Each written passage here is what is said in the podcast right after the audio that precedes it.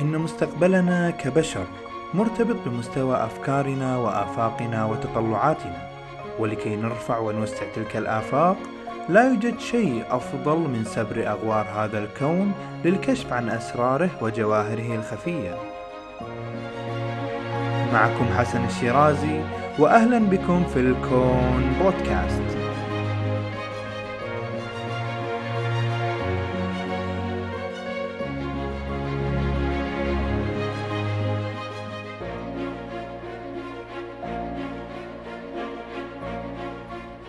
السلام عليكم.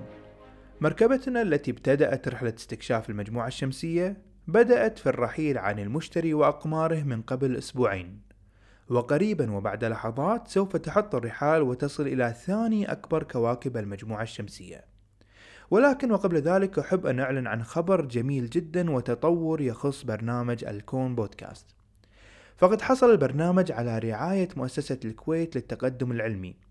واعتبارا من هذه الحلقة سيكون البرنامج برعايتهم. وبهذه المناسبة أحب أن أشكر جميع المستمعين على الدعم الذي أتلقاه منكم فهو أساس نجاح البرنامج حتى اليوم بلا شك.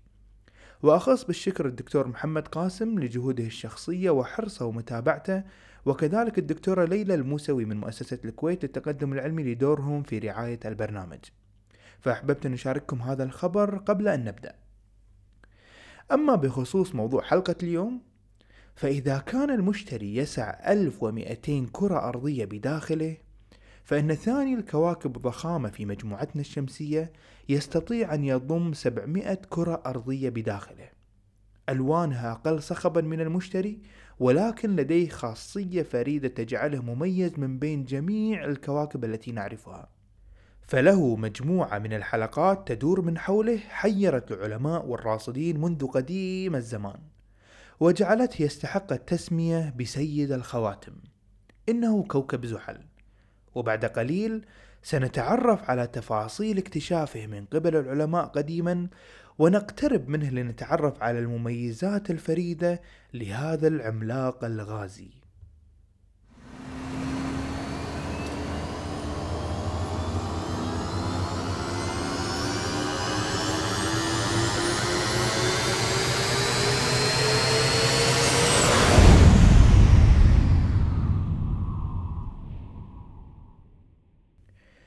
كوكب زحل معروف منذ الأزل لدى البشر فهو من الأجرام التي نراها دون الحاجة لمعدات خاصة ويمكن رصده بالعين المجردة كجرم لامع في السماء.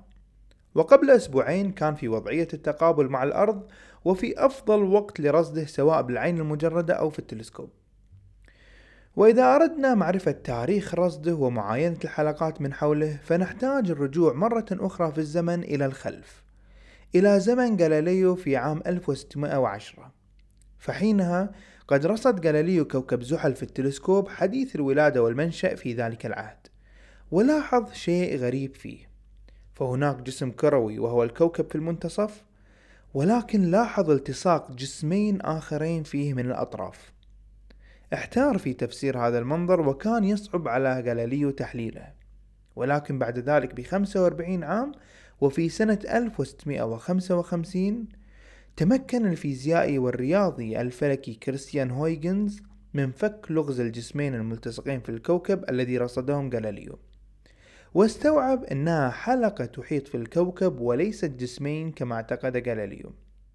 وذلك لسببين فالسبب الأول يرجع إلى أن تلسكوب هويجنز كان أفضل أما العامل الآخر الذي ساعده في الوصول لهذا الاستنتاج هو شكل زاوية الميلان التي ظهرت بها الحلقات وقت الرصد.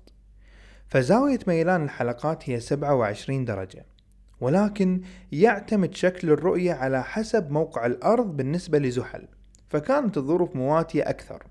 ولكن على أي حال كان الاعتقاد السائد والذي توصل إليه هويجنز أنها كانت حلقة واحدة جامدة تحيط في كوكب زحل. إلى أن جاء العالم الإيطالي جيوفاني كاسيني في العام 1675 واكتشف أنها ليست حلقة واحدة تحيط بكوكب زحل وإنما هي مجموعة من الحلقات تدور من حوله.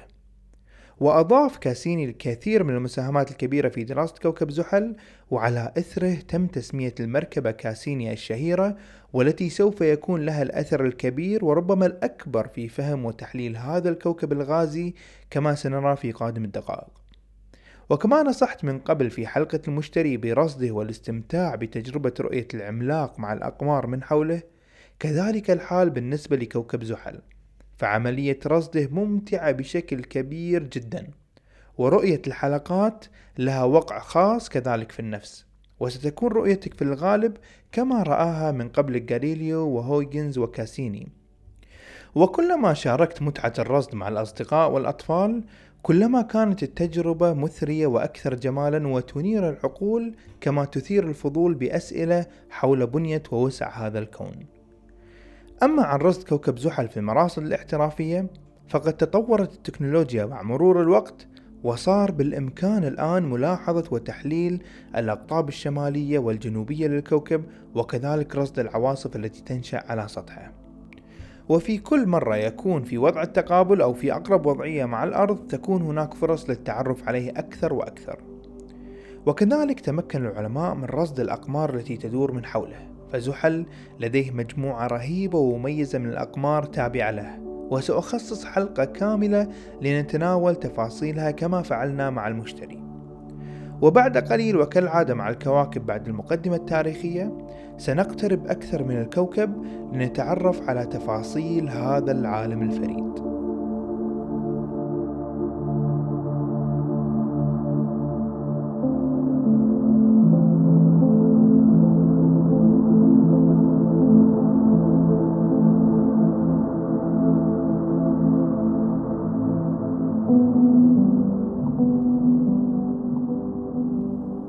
التحليل العميق ودراسة كوكب زحل التفصيلية جاءت عن طريق المركبات. وهناك العديد من الرحلات والمركبات الفضائية التي درست كوكب زحل وأعطتنا هذا التفصيل والثقة في المعلومات التي لدينا حول الكوكب اليوم.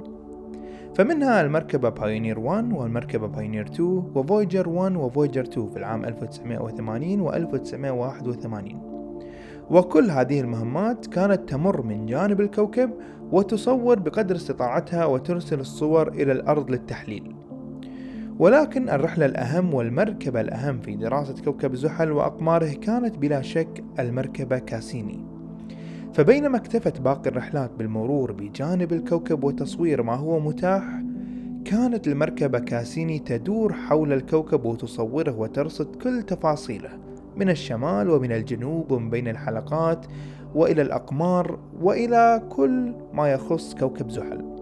فكانت رحلة ومركبة كاملة وناجحة بكل ما تحمله الكلمة من معنى. ولم تكتفي بالدوران حول الكوكب بل أرسلت مسبار يدخل ويحط على سطح القمر تايتن ويكشف محتوياته الداخلية الغريبة ويصور البحيرات والسحب وغيرها الكثير من التفصيل الغريبة التي سنتكلم فيه بالحلقة القادمة مع باقي أقمار كوكب زحل. وبالرجوع إلى كاسيني فإن ميكانيكا الحركة في الأفلاك حول كوكب زحل كانت دقيقة وبدرجة عالية من التعقيد. بحيث أن العلماء كانوا يستفيدون من دوران المركبة حول القمر تايتن في كل مرة ليكسب زخم يدفعه ويسرع من حركة المركبة في الفلك الذي تدور فيه. كاسيني أطلقت في العام 1997 وأبحرت في الفضاء لمدة تقارب سبع سنوات. واستخدمت زخم كوكب الزهرة لدفعها نحو زحل ومرت بجانب المشتري وأرسلت صورا له. وفي عام 2004 وصلت إلى وجهتها المقصودة وابتدأت رحلة دراسة زحل وأقماره منذ تلك اللحظة. وبعد سنوات من الخدمة العظيمة التي قدمتها هذه المركبة إلى البشرية في استكشاف الكون قرر العلماء في الخامس عشر من سبتمبر من عام 2017 التضحية بها في طريقة دراماتيكية وإدخالها إلى داخل الكوكب لتسجيل ما تستطيع تسجيله وإرسالها إلى الأرض لعملية التحليل والدراسة أكثر وأكثر. في فرصة نادرة ولن تتكرر قريبا. ومن خلال كل هذه الاستكشافات والرحلات استطعنا معرفة الكثير من الخصائص التي يتميز بها الكوكب ومنها التركيبة. فكوكب زحل من الكواكب الغازية.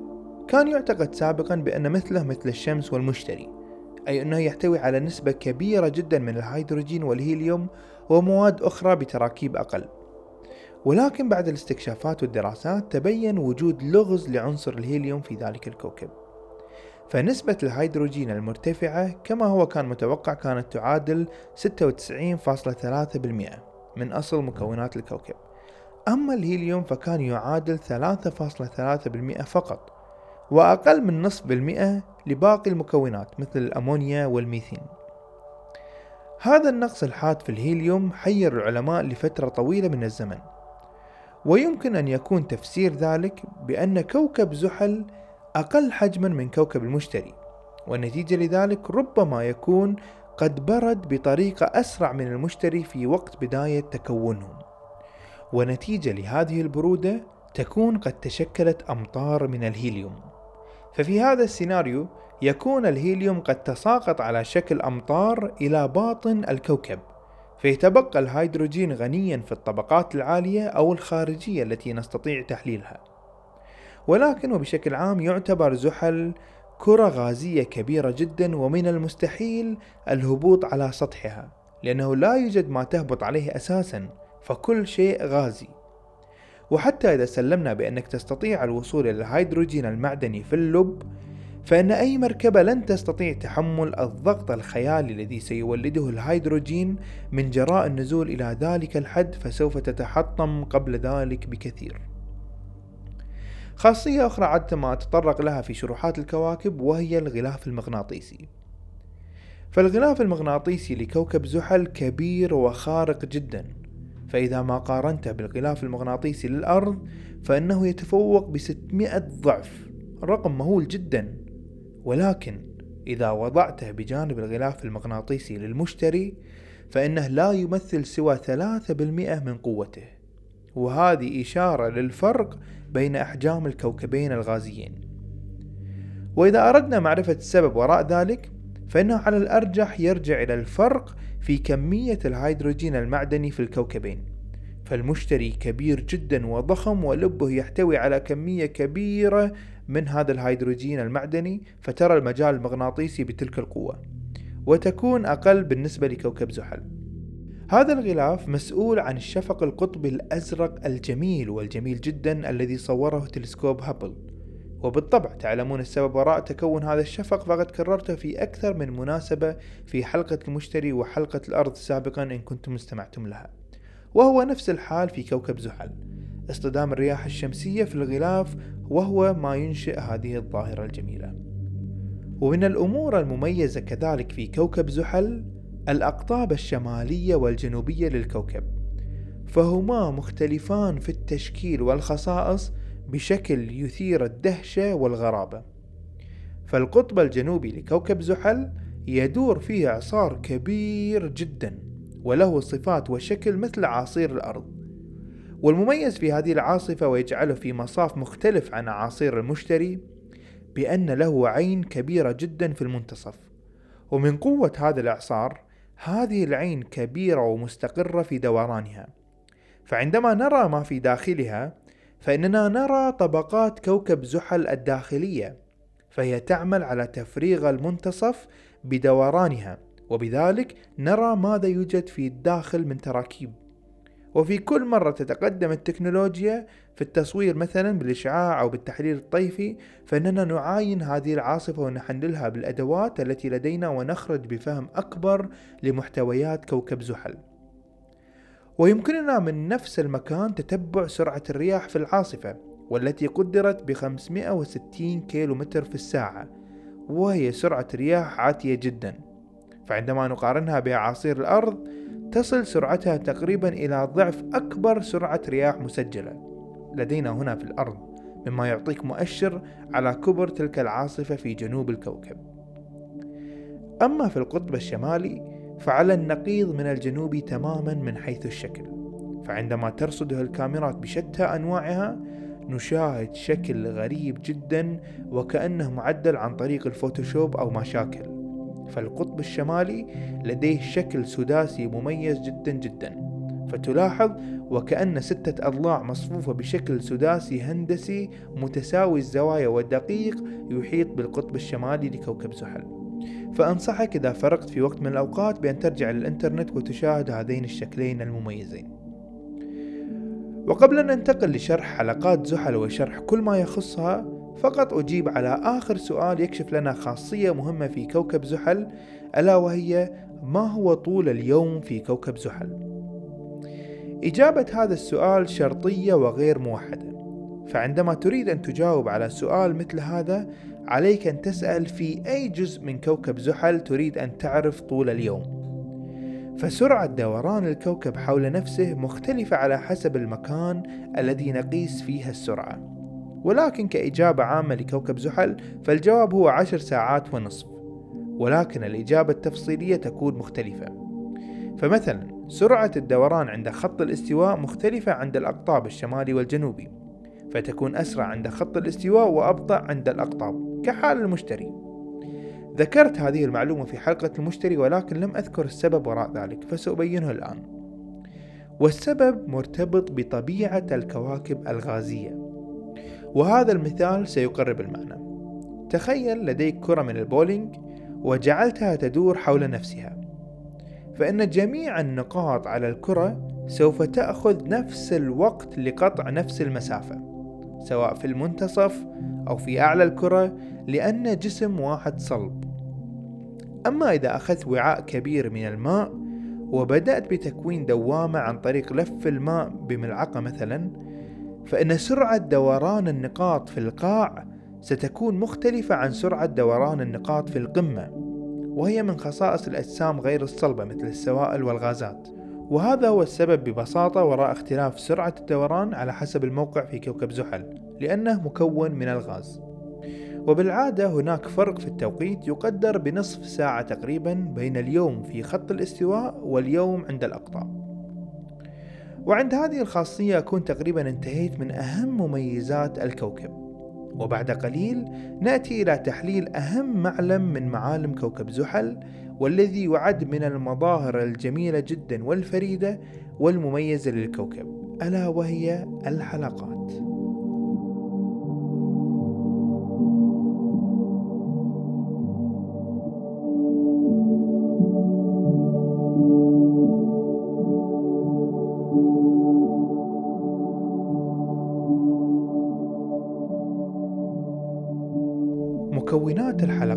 التي تدور حول كوكب زحل ظلت لغز يؤرق العلماء ولكن مع مرور الوقت وتقدم العلم والتكنولوجيا بدأ هذا اللغز ينكشف شيئا فشيئا.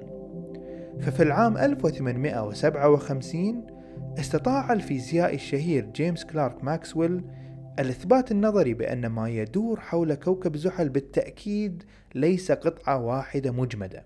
فلو كانت الحلقات من مواد صلبة فإن يستحيل أن تبقى قطعة واحدة. وذلك بسبب الفرق الهائل في الجاذبية بين هذه القطعة وبين الكوكب. فبالتالي أثبت بأن هذه القطعة لابد وأن تتفتت وتصبح ركام مكون من عدد لا نهائي من الأجسام يدور حول زحل. وهنا لنتوقف قليلا ونشرح نقطة علمية مهمة جدا لنفهم هذا الإثبات وستفيدنا هذه النقطة في فهم واستيعاب كيفية تكون هذه الحلقات. الآن إذا كان هناك قمر يتردد ويدور بقرب شديد جدا من أحد الكواكب فكل منهم يمارس قوة جذب على الآخر ولأن القوة من الكوكب أكبر من القوة من القمر بسبب كتلة الكوكب وحجمه فإن هذه القوة قادرة على تكسير وتفتيت القمر إلى أجزاء صغيرة. وهذه الأجزاء تبقى تدور حول الكوكب مكونة حلقة. والحد الفاصل الذي لا يستطيع القمر الاقتراب منه أكثر لكي لا يتفتت بسبب هذه القوة يسمى بحد روش أو روش ليميت وهو ما يتوقع أن حدث في كوكب زحل. وفي الواقع لو جمعت كل الركام في الحلقات لن يتعدى تشكيل قمر صغير لا يتعدى قطره 100 كيلومتر. ومن هنا يمكن تكوين نظرية حول تكون هذه الحلقات. بأن فيما مضى من الزمن كان هناك قمر ثلجي أو أغلب مكوناته من الثلج وكان هذا القمر يدور في مدار غير مستقر مع كوكب زحل أو أنه اقترب مسافة كبيرة جدا من سطح الكوكب إلى أن تخطى حد روش الذي ذكرناه قبل قليل وأدى إلى تفتته.